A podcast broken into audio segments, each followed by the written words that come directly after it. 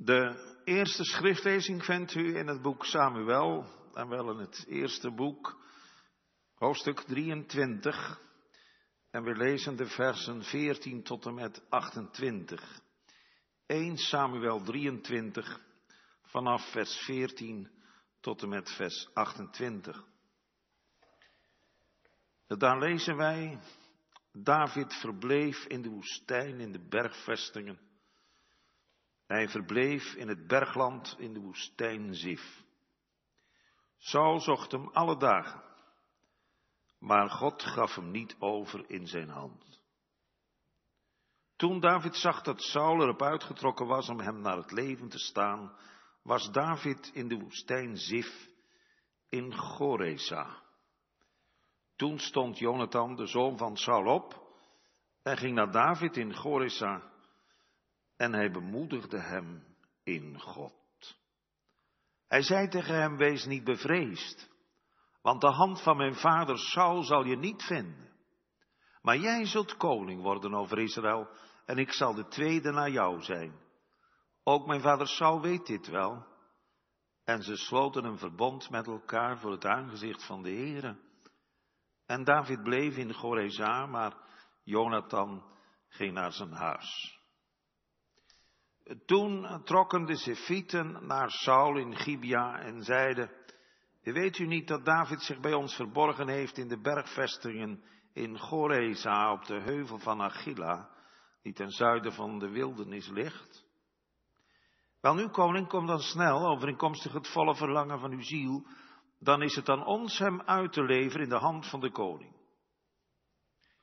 Toen zei Saul, mogen u door de Heere gezegend worden, omdat u medelijden met mij gehad hebt. Ga toch op weg en verkrijg nog meer zekerheid. Vergewis u ervan en verken de plaats waar hij zijn voet gezet heeft en wie hem daar gezien heeft, want men heeft mij gezegd dat hij zeer listig te werk gaat.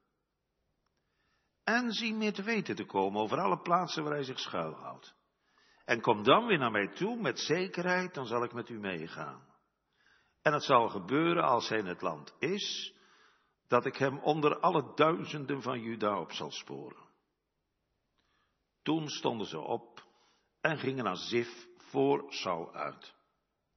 David en zijn mannen waren in de woestijn van Maon, in de vlakte ten zuiden van de wildernis. Toen Saul en zijn mannen hem gingen zoeken, vertelde men dat aan David. En hij trok weg van de rots en bleef in de woestijn van Maon. Toen Saul dat hoorde, joeg hij David na in de woestijn van Maon. Saul ging aan de ene zijde van de berg en David met zijn mannen aan de andere zijde van de berg.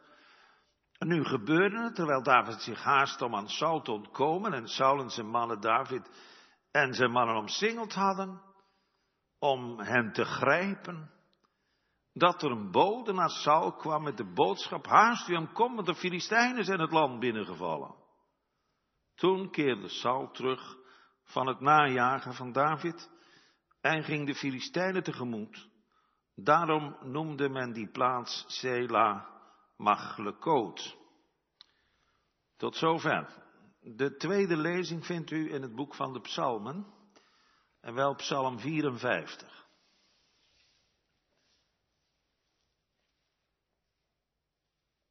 Psalm 54.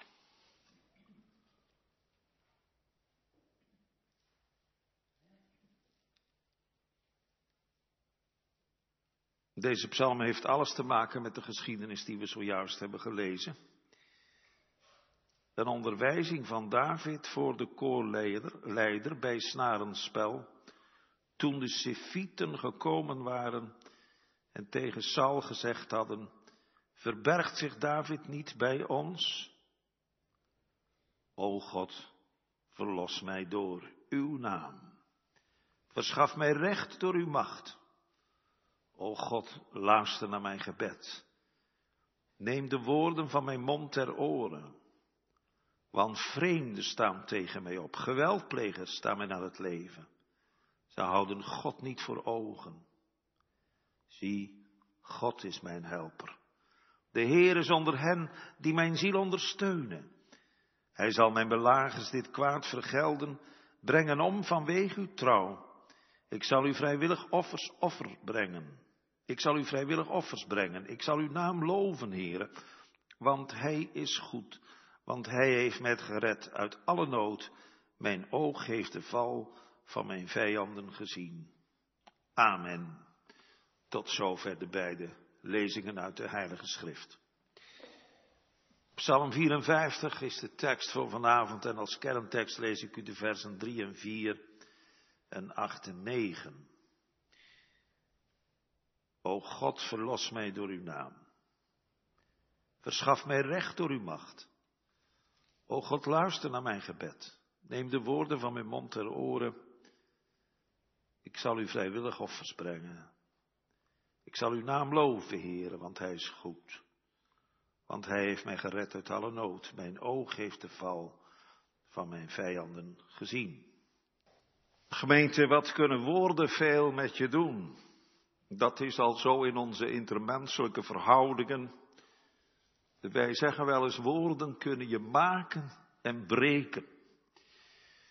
Om maar een heel bekend voorbeeld te noemen, wanneer je na vele medische onderzoeken van de oncoloog te horen krijgt dat er niets ernstigs aan de hand is, zijn dat woorden van bevrijding, van opluchting.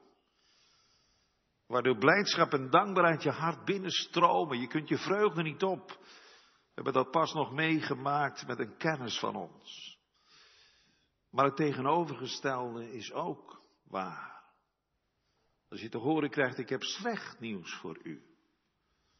Ga u nu maar op het ergste voorbereiden. Medisch gezien kunnen wij niets meer voor u betekenen. Dan word je zomaar door die enkele woorden gebroken. Knock-out geslagen. Je kunt je, je weet je geraad, overmond door tomeloos verdriet. En hoe is dat nou met de woorden die er door de Heere tot ons gesproken worden? Dat zijn er niet zomaar enkele, maar dat zijn er zoveel. Alleen vanavond alweer, hoeveel woorden zullen er niet tot ons komen, die door een dienaar van de Heere God tot u en tot jou hier en thuis gesproken worden. En vooropgesteld, wat een genade is dat, hè, dat de Heere zijn woorden tot ons richt. Want wie zijn wij? Wij die ons ontrokken hebben aan de gemeenschap met de Heere God. Als het aan ons gelegen had, zou er nooit geen contact meer tot stand gekomen zijn met de Heere. Wij hebben ons voor Hem verborgen. En dat houden we vol ook met het oog op zijn lieve zoon, de Heer Jezus Christus. Want van Hem lezen wij, een ieder was als verbergende het aangezicht voor Hem. En ondanks dat, ondanks onze anti-houding, als ik dat zo mag formuleren, is de Heer altijd maar bezig om door woorden ons te bereiken. Zo ook vanavond. Want ik heb daar in mijn gebed al iets van verwoord. Bij al ons wat ons het afgelopen jaar is ontnomen in verband met de coronacrisis. Het woord is gebleven, weet u nog dat wij vorig jaar voor het laatst met de biddag gewoon kerk konden zijn zoals we dat alle jaren geweest zijn. Dat was de laatste keer. En daarna kwamen er allerlei maatregelen. En dan zijn we een jaar verder. En dit is het resultaat. Het grootste deel van de gemeente is thuis. En dat is nou al zo lang aan de gang. En toch, de Heere heeft zijn woord aan ons gelaten. En dat woord, dat is voor u en voor jou en voor mij het brood van het leven. De mens zal immers bij brood alleen niet leven, maar bij alle woord dat uit zijn mond uitgaat. Het is Gods goedheid, Gods trouwe zorg, Gods genade dat hij ondanks het voortwoeden van het coronavirus nog steeds zijn woord aan ons heeft gelaten. Want, ik heb zojuist gesproken over een diagnose die gesteld werd door een oncoloog. Als God zijn diagnose stelt ten aanzien van u en van mij, dan is het ook niet best gesteld. Melaats, van de hoofdschedel tot de voetzool toe. Er is niets geheels aan u, om het met woorden van onze tijd te zeggen, uitgezaaid door het gehele lichaam. En ook de ziel is verdorven. We lijden immers allemaal aan de dodelijke kwaal van de zonde, die ons onherroepelijk naar de ondergang voeren zal, tenzij, tenzij wij gebruik maken van de diensten van de heelmeester. Er is een tekst in het Oude Testament die vraagt, is er geen balsem in Gilead en is er geen heelmeester al daar? Nou, Gilead was bekend om de zalf die daar gefabriceerd werd. Een zeer genezende zalf. Met andere woorden, er is genezing onder de vleugelen van de Heer Jezus Christus. En dat mogen we ook op deze middag verkondigen. Die al uw krankheden kent, zegt de dichter, en ze liefderijk geneest. Die van het verderf uw leven wil verschonen met goedheid en barmhartigheid uw kronen. Die in de nood uw redder is geweest. En dat is de geestelijke les die ik vanavond aan u als gemeente, aan jong en oud mee wil geven vanuit deze psalm 54. God heeft ons behoud op het oog. Hij wordt hier een helper genoemd.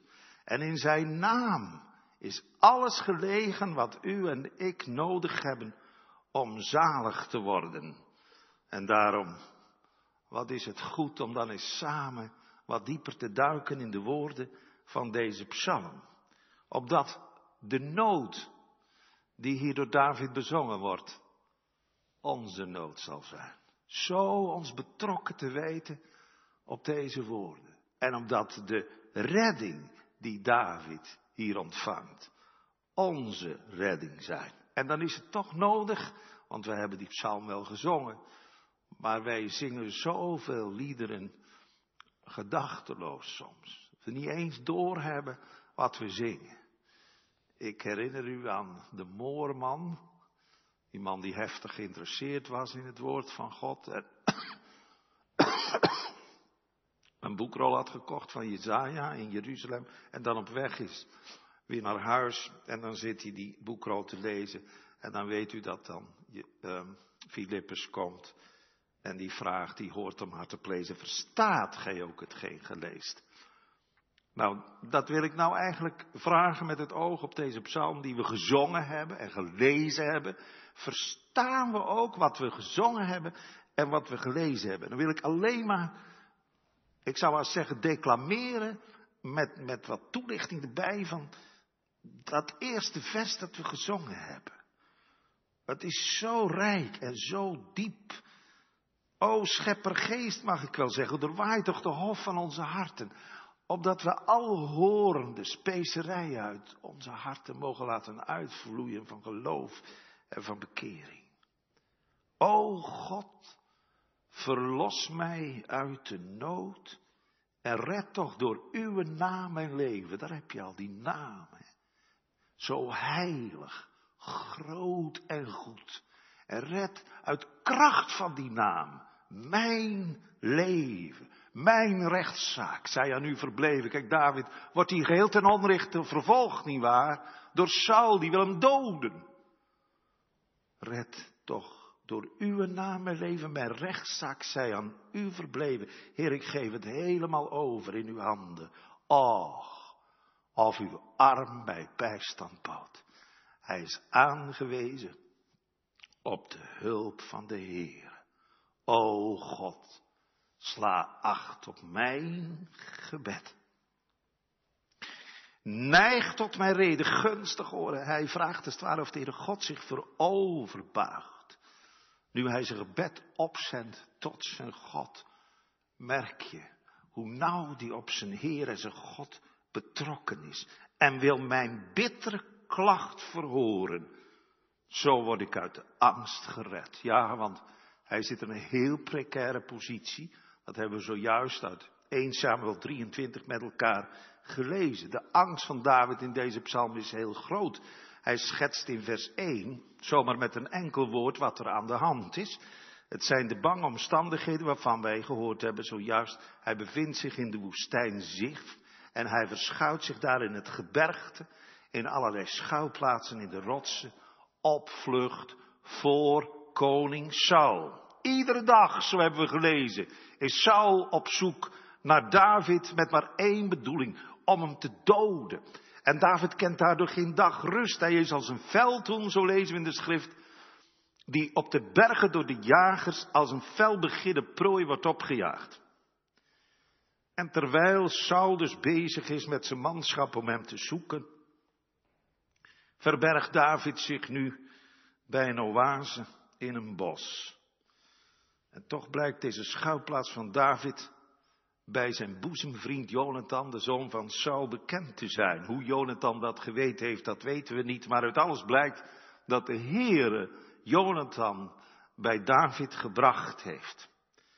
En dan staat er dat Jonathan hem versterkte door de woorden van God die hij tot David mag spreken. En dat dat nu de zoon van Saul mag doen. Saul die wilde dat Jonathan zijn zoon de troonopvolger zou zijn. Maar we moeten eens luisteren wat, met welke boodschap Jonathan nu tot zijn vriend komt.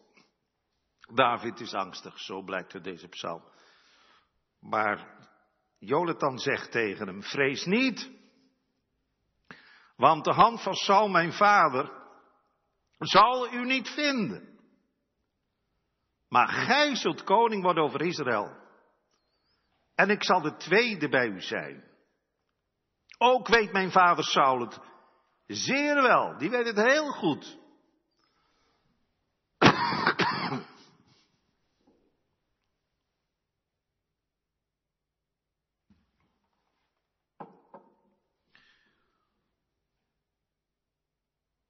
Wat een antwoord van de Heer, nietwaar? Op de angsten van David. En dan gesproken door de zoon van Saul. Let ook eens op het geloof van Jonathan.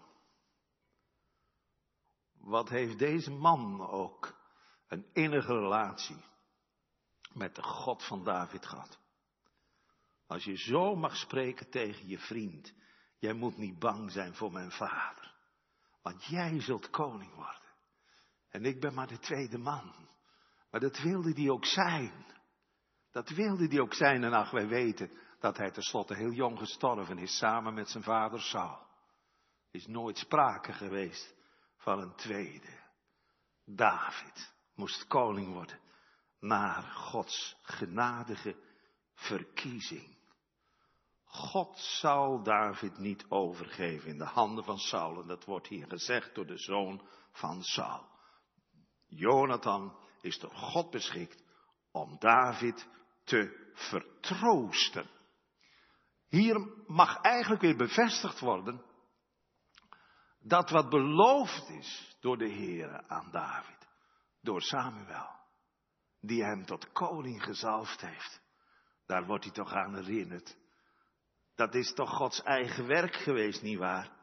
Want de Heer heeft tegen Samuel gezegd, ik zal u zenden tot Isaï en Bethlehemiet, want ik heb voor hem mij een koning onder zijn zonen uitverkoren. En we weten hoe vervolgens alle zonen voorbij moesten trekken. En dan tenslotte David bij de schapen weggeroepen moet worden. En hoe die dan in het midden van zijn broers en zijn vader door Samuel tot koning gezalfd wordt. En ach, nou lijkt het er niet op, hè, als je daar in de woestijn moet verkeren met je mannen om voortdurend als een veldhoen op de bergen opgejaagd te worden door Saul. En hij opgeslokt dreigt te worden door de vijanden. Dat dan de zoon van Saul met zo'n boodschap naar je toe komt. Dan word je weer herinnerd aan wat God beloofd heeft en aan wat God gedaan heeft. Wat uit uw lippen ging. Blijf vast en onverbroken. En dan mag ik toch al degenen die de Heer hebben liefgekregen door Gods genade in Soest herinneren aan de woorden die de Heer in uw leven heeft gesproken. Dan mogen we toch vanavond tegen de Heer zeggen, gedenk aan het woord gesproken tot uw knecht, waarop gij mij verwachting hebt gegeven. Zo is het toch gegaan. En dan komt de Heer er iedere keer weer op terug. Hij bevestigt door zijn woord en door zijn geest zijn eigen woorden in je hart en in je leven. Wij leven op het ogenblik onder buitengewone omstandigheden. Zo'n middag als vandaag hebben we nog nooit eerder in ons leven meegemaakt. En we hebben er allemaal op onze eigen wijze mee te maken. Ik denk dat er in Soes best heel wat ondernemers zitten, ook in de kerk, of meeluisteren met ons vanavond, voor wie misschien wel het water tot aan de lippen staat, voor wie het gelden moet als het economisch bezien al uw waren en uw golven zijn over mij heen gegaan. dat we echt dreigen te verdrinken onder de schuldenlast. Omdat onze lasten steeds maar weer moeten worden opgebracht en de inkomsten er niet of nauwelijks zijn. Vandaar dat ik vanavond voor al die ondernemers in Soest en voor allen die getroffen zijn op enige wijze door het coronavirus, Psalm 27 heb laten zien. Zo ik niet had geloofd dat in dit leven mijn ziel Gods gunst en hulp genieten zou. Mijn God, waar was mijn hoop gebleven? Ik was vergaan in al mijn smart en rouw. Wat een zorg ook, hè? Voor de werknemers. Die bij zo'n werkgever werken.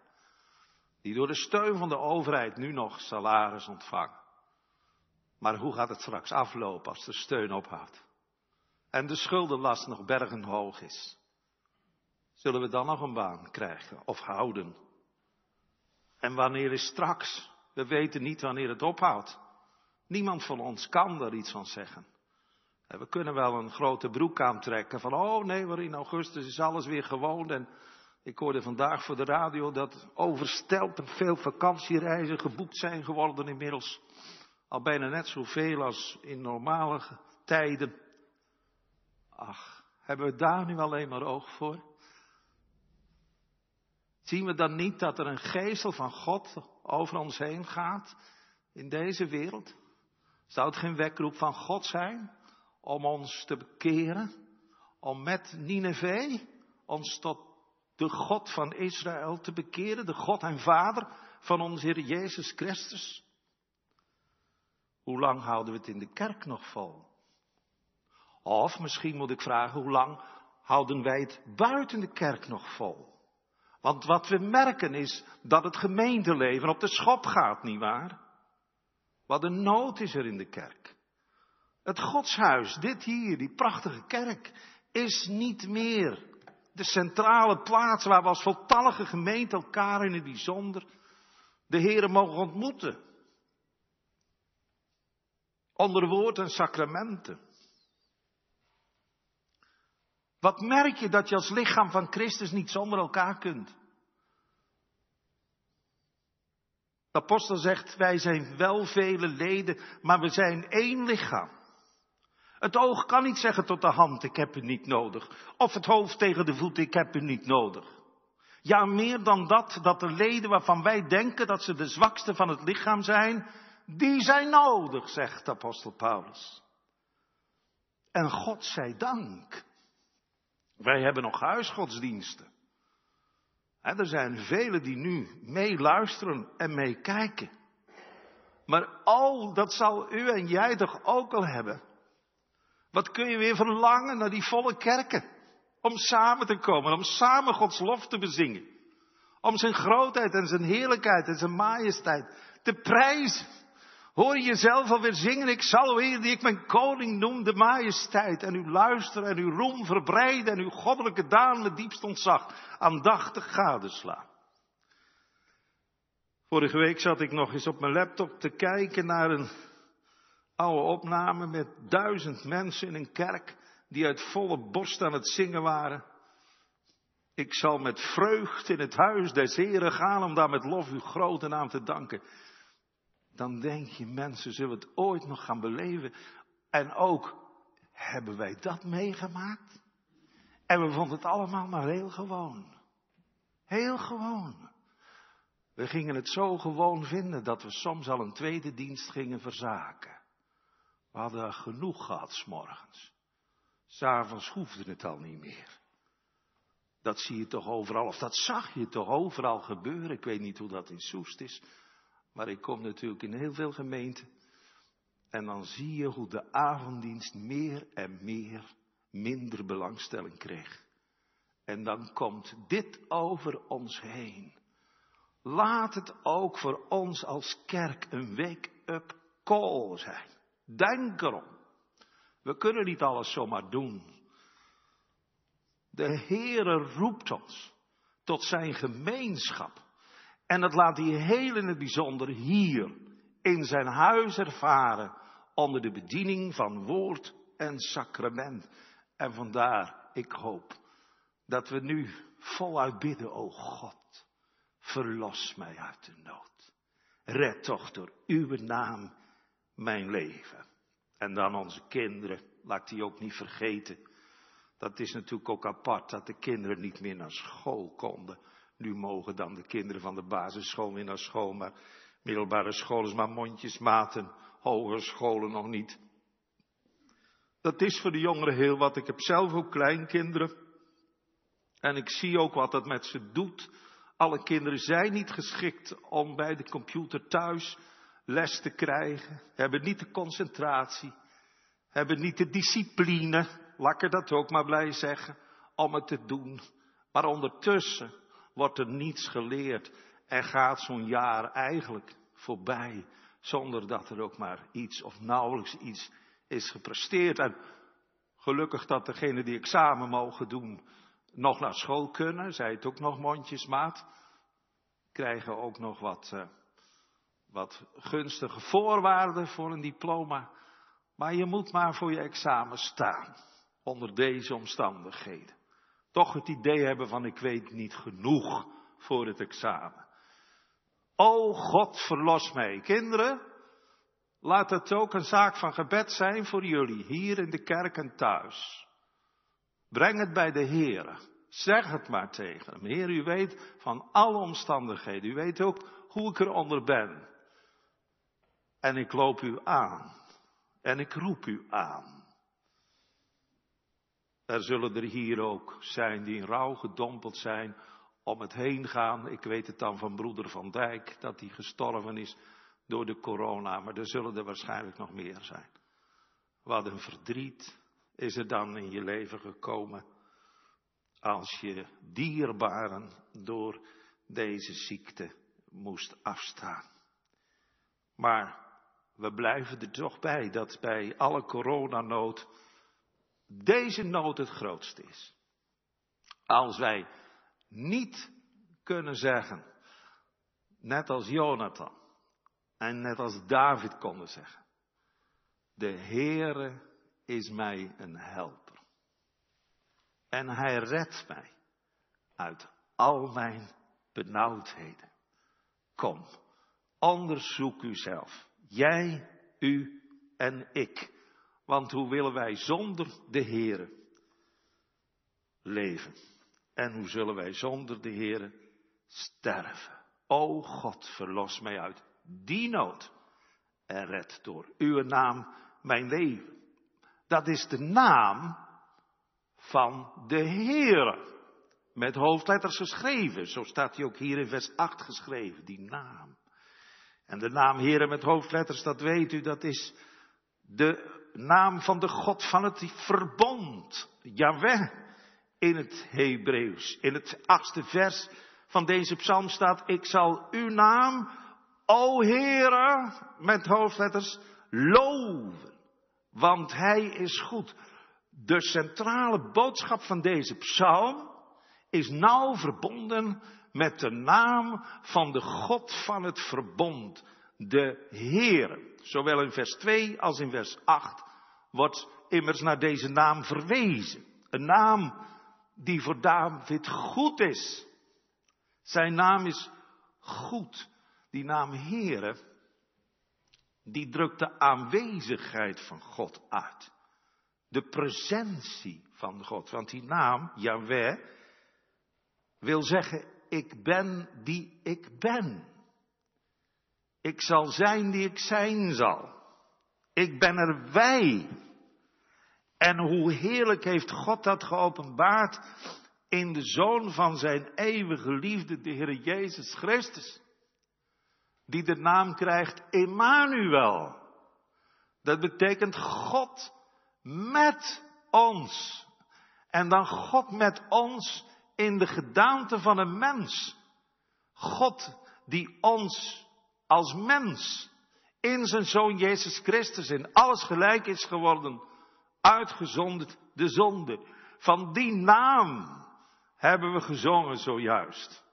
Uw naam, zo rijk van eer, is tot onze vreugde nabij. Dies vertelt men in ons land al de wonderen.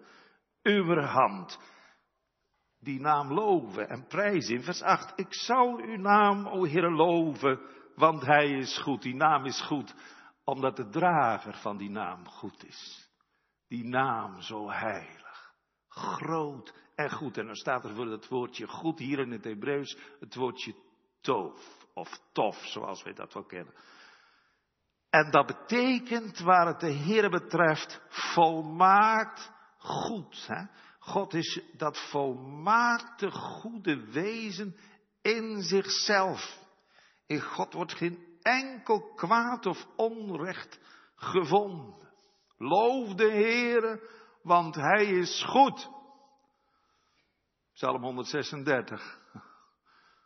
Houd het maar niet op om dat te zingen. Loof de Heer, want Hij is goed. Loof hem met een blij gemoed.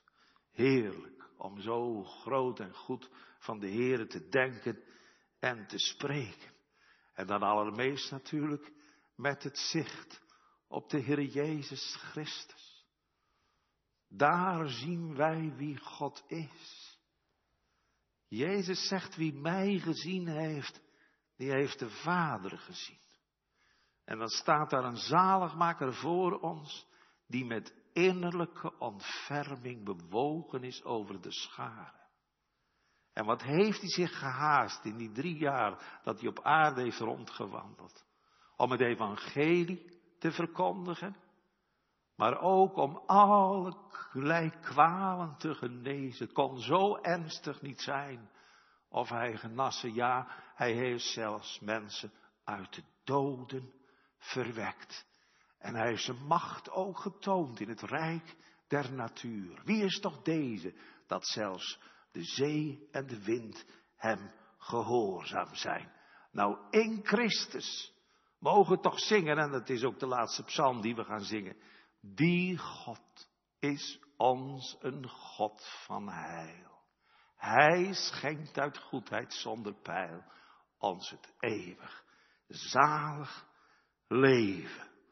David is in zijn benauwdheid. O God, verlos mij door uw naam en doe mij recht door uw macht. Hij doet hier een beroep op de macht van de Heere. Hier staat voor de naam Heere niet de naam met hoofdletters, maar met kleine letters. Dat ziet op de naam Adonai. En dat ziet op de almacht van God. Dus het is niet alleen zo dat de God de God is van het verbond, maar hij is ook de schepper God. Die zijn macht en majesteit heeft geopenbaard in de schepping van hemel en aarde. En we hebben beleden dat hij die ook onderhoudt. Het is alles in zijn hand. Wiens de zee en macht alles heeft voortgebracht. Nou, uit kracht van die naam. Wat is er daar al niet mee gebeurd in de loop van de geschiedenis van het volk van Israël? Uit kracht van die naam die hier genoemd wordt. En dan ga ik toch weer een treetje verder. Dan ga ik toch weer naar de Heer Jezus Christus toe. Want God heeft zelf bepaald hoe Jezus zou heten, nietwaar? Gij zult zijn naam heten Jezus. Want, dat is een redengevend voegwoordje, want hij zal zijn volk zalig maken van al hun zonden. En wat heeft hij dat waargemaakt? We leven in de lijdenstijd. En we zien dat hij zelfs tot op het kruis doorgaat. Om zalig te maken dat wat volstrekt verloren is. Daar hangt de moordenaar te spotten. Twee zelfs. En dan ineens, en dat is uit kracht van de naam van Jezus. Hij zal zijn volk zalig maken van al hun zonden. Gaat daar in plaats van de wind uit de hel, de wind uit de hemel waaien. En komt deze moordenaar tot geloof en tot bekering. Hij bestraft in liefde zijn vriend in het kwaad. En hij zegt, vreest gij ook God niet daar in hetzelfde oordeel zijt. En wij rechtvaardig. Maar deze, dat is Jezus, heeft niets onbehoorlijks gedaan. En dan het gebed, gedenk mijner. Curios. Daarom, daar beleidt hij de goddelijkheid van Christus. Dat heeft hij mogen zien met de ogen van het geloof, gedenk mijner, als je in uw koninkrijk gekomen zult zijn. Wat een kracht, hè? Is er in de naam van Jezus gelezen. Zijn naam is ook gespeld in het Grieks en in het Romeins en in het Hebreeuws. Jezus, de Nazarener, de koning der Joden. Het is uit kracht van die naam dat op Pinksterdag vijfduizend vijanden met God worden verzoend. Zij die verantwoordelijk waren voor de dood van Christus. En verantwoordelijk gesteld werden voor de dood van Christus in de prediking van Petrus. Die worden uit kracht van die naam tot geloof en bekering gebracht. Ze werden verslagen in het hartlezen. En tegelijkertijd, en ze werden gedoopt. In de naam, dat is uit kracht van de naam van Jezus Christus. Tot vergeving van zonde. Eén naam is er onder de hemel, onder de mensen gegeven, door welke wij zalig moeten worden. Wel, hier wordt gezegd, hij is mij een helper. Hij heeft die hulp wel nodig, hè? Want we moeten eens kijken hoe hij die vijanden afschildert in deze psalm. Want vreemden staan tegen mij op. Het zijn ook Joden geweest natuurlijk. Hè. In die zin waren ze hem niet vreemd. Zouden het broeders moeten zijn van hem. Maar waarom noemt hij ze vreemden? Nou, dat staat in het vervolg van vers 5. Zij houden God niet voor hun ogen. Het zijn goddelozen. En omdat ze zonder God zijn, kunnen zij zich gedragen zoals ze gedragen. Hebben ze David verraden bij Saul. Hij zit bij ons hoor. Kom mee, dan leveren we hem aan u uit. Nee, zegt Saul. Eerst nog maar eens goed lokaliseren, kijken waar hij zit. En als hij pas heel zeker weet dat we hem kunnen pakken, dan moet je me waarschuwen. Al zouden er duizenden zijn die ik moet vangen en ik pluk hem eruit. Zo verbeten. Ze worden hier dan ook geweldplegers genoemd. In de oude statenvertaling staat hier het woord tirannen. Dan weten we met wie we te doen hebben. Kun je begrijpen dat hij roept, o God, luister naar mijn gebed. Neem mijn woorden ter oren. Neig uw oren naar mijn gebed. Heer, buig u voorover naar mij. Weet je wat mij zo opvalt in dit gebed? De innigheid waarmee dat gebeurt. Hij vraagt of God dichter naar hem toe wil komen, opdat hij zijn roepen zal horen. De roep van zijn mond. Hij roept naar God toe. Hij bidt hardop. En dat is ook een les die we elkaar vanavond meegeven. Als het enigszins kan, laat dan ons gebed hardop zijn. Ten eerste geeft dat toch het idee ook dat we de Heer werkelijk aanroepen. Maar wat ook belangrijk is voor je concentratie, is het ook heel voornaam om hardop te bidden. Ik weet niet hoe het u vergaat, maar Vooral als je s'avonds laat naar bed gaat en je wil nog bidden en je doet het zachtjes, dan kan het wel eens gebeuren dat je haast in slaap sukkelt.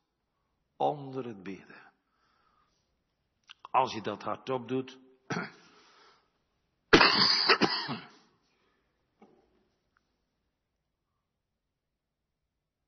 dan kun je dat voorkomen, nietwaar? Vandaar dat ik u dit zeg. Het is goed om hardop te bidden. En nu, nu die gezegd heeft met wat voor mensen hij doen heeft. Nou had hij even zijn mond. Sela. En dan gaat hij ineens zeggen, zie, let op, God is mijn helper. Dan vraagt hij ons aller aandacht. En dan wijst hij niet meer naar zichzelf. En dan wijst hij ook niet naar al zijn vijanden. Nee, hij wijst als het ware ons met de vinger naar de Heer toe. God is mijn helper. De Heere, de Almachtige, ik heb u dat net gezegd, Adonai, is onder hen die mijn ziel ondersteunen. Kijk, hij had ook wel mannen bij ons, dat hebben we gelezen. Hij was er niet alleen in die schuilplaats. In Maon is hij met mannen. En,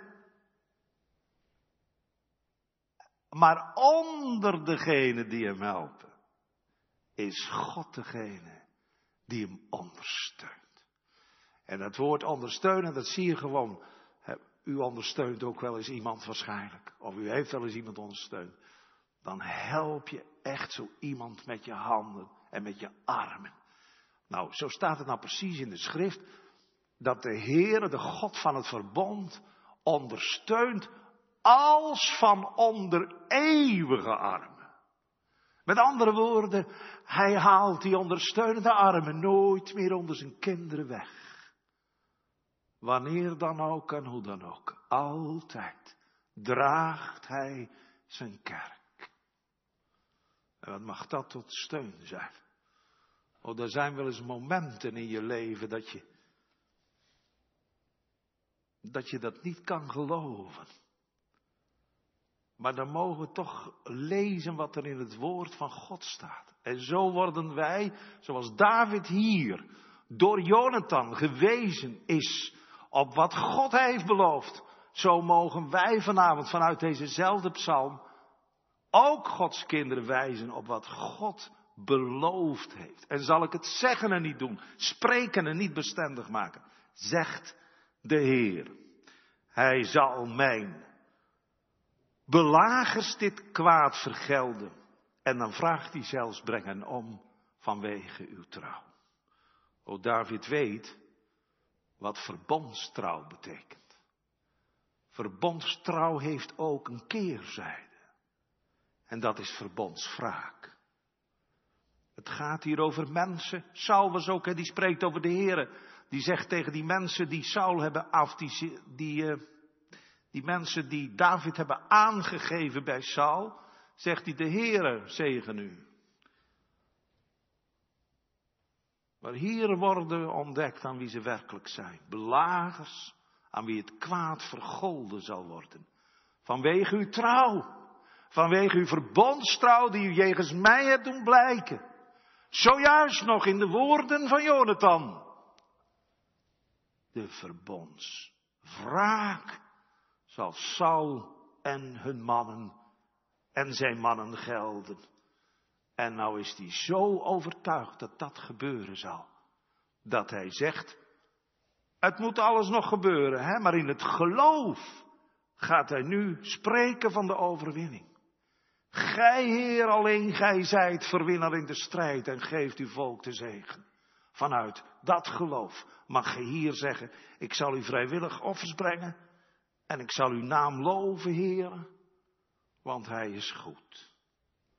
Hij ziet zichzelf al offers van dankbaarheid brengen voor Gods aangezicht. En de naam van de Heere, de getrouwe verbondsgod loven, omdat die naam goed is. Tof, staat er in het Hebreeuws. Dat betekent volmaakt goed. En dan geeft hij de reden er al bij. De redding moet nog plaatsvinden. Want hij heeft mij gered. Uit alle nood de uitkomst is voor hem zeker. Kan je toch zien hè, wat de woorden hem gedaan hebben. Hij heeft mij gered uit alle nood. En mijn oog heeft de val van mijn vijanden gezien. Wat gebeurt er? Hij wordt ingesloten. Hij wordt ingesloten. De Sefieten die weten het zeker. Nu is die voor u koning. En jawel hoor. Saul die is overtuigd. En dan komt hij met zijn manschap. En ze hebben een geweldig plan gemaakt. En ze zullen hem met list vangen. En nog maar even. En dan zit hij in de strik die ze voor hem zullen spannen. En dan ineens is daar een bode. Koning, koning, de Filistijnen zijn het land binnengevallen. En allemaal moeten ze weg. Allemaal moeten ze weg om, om zich te verdedigen tegen de invallen van de Filistijnen. Hij heeft mij gered uit alle nood. Mijn oog heeft de val van mijn vijanden gezien. Hij kan en wil en zal in nood, zelfs bij het naderen van de dood, volkomen uitkomst geven. Amen.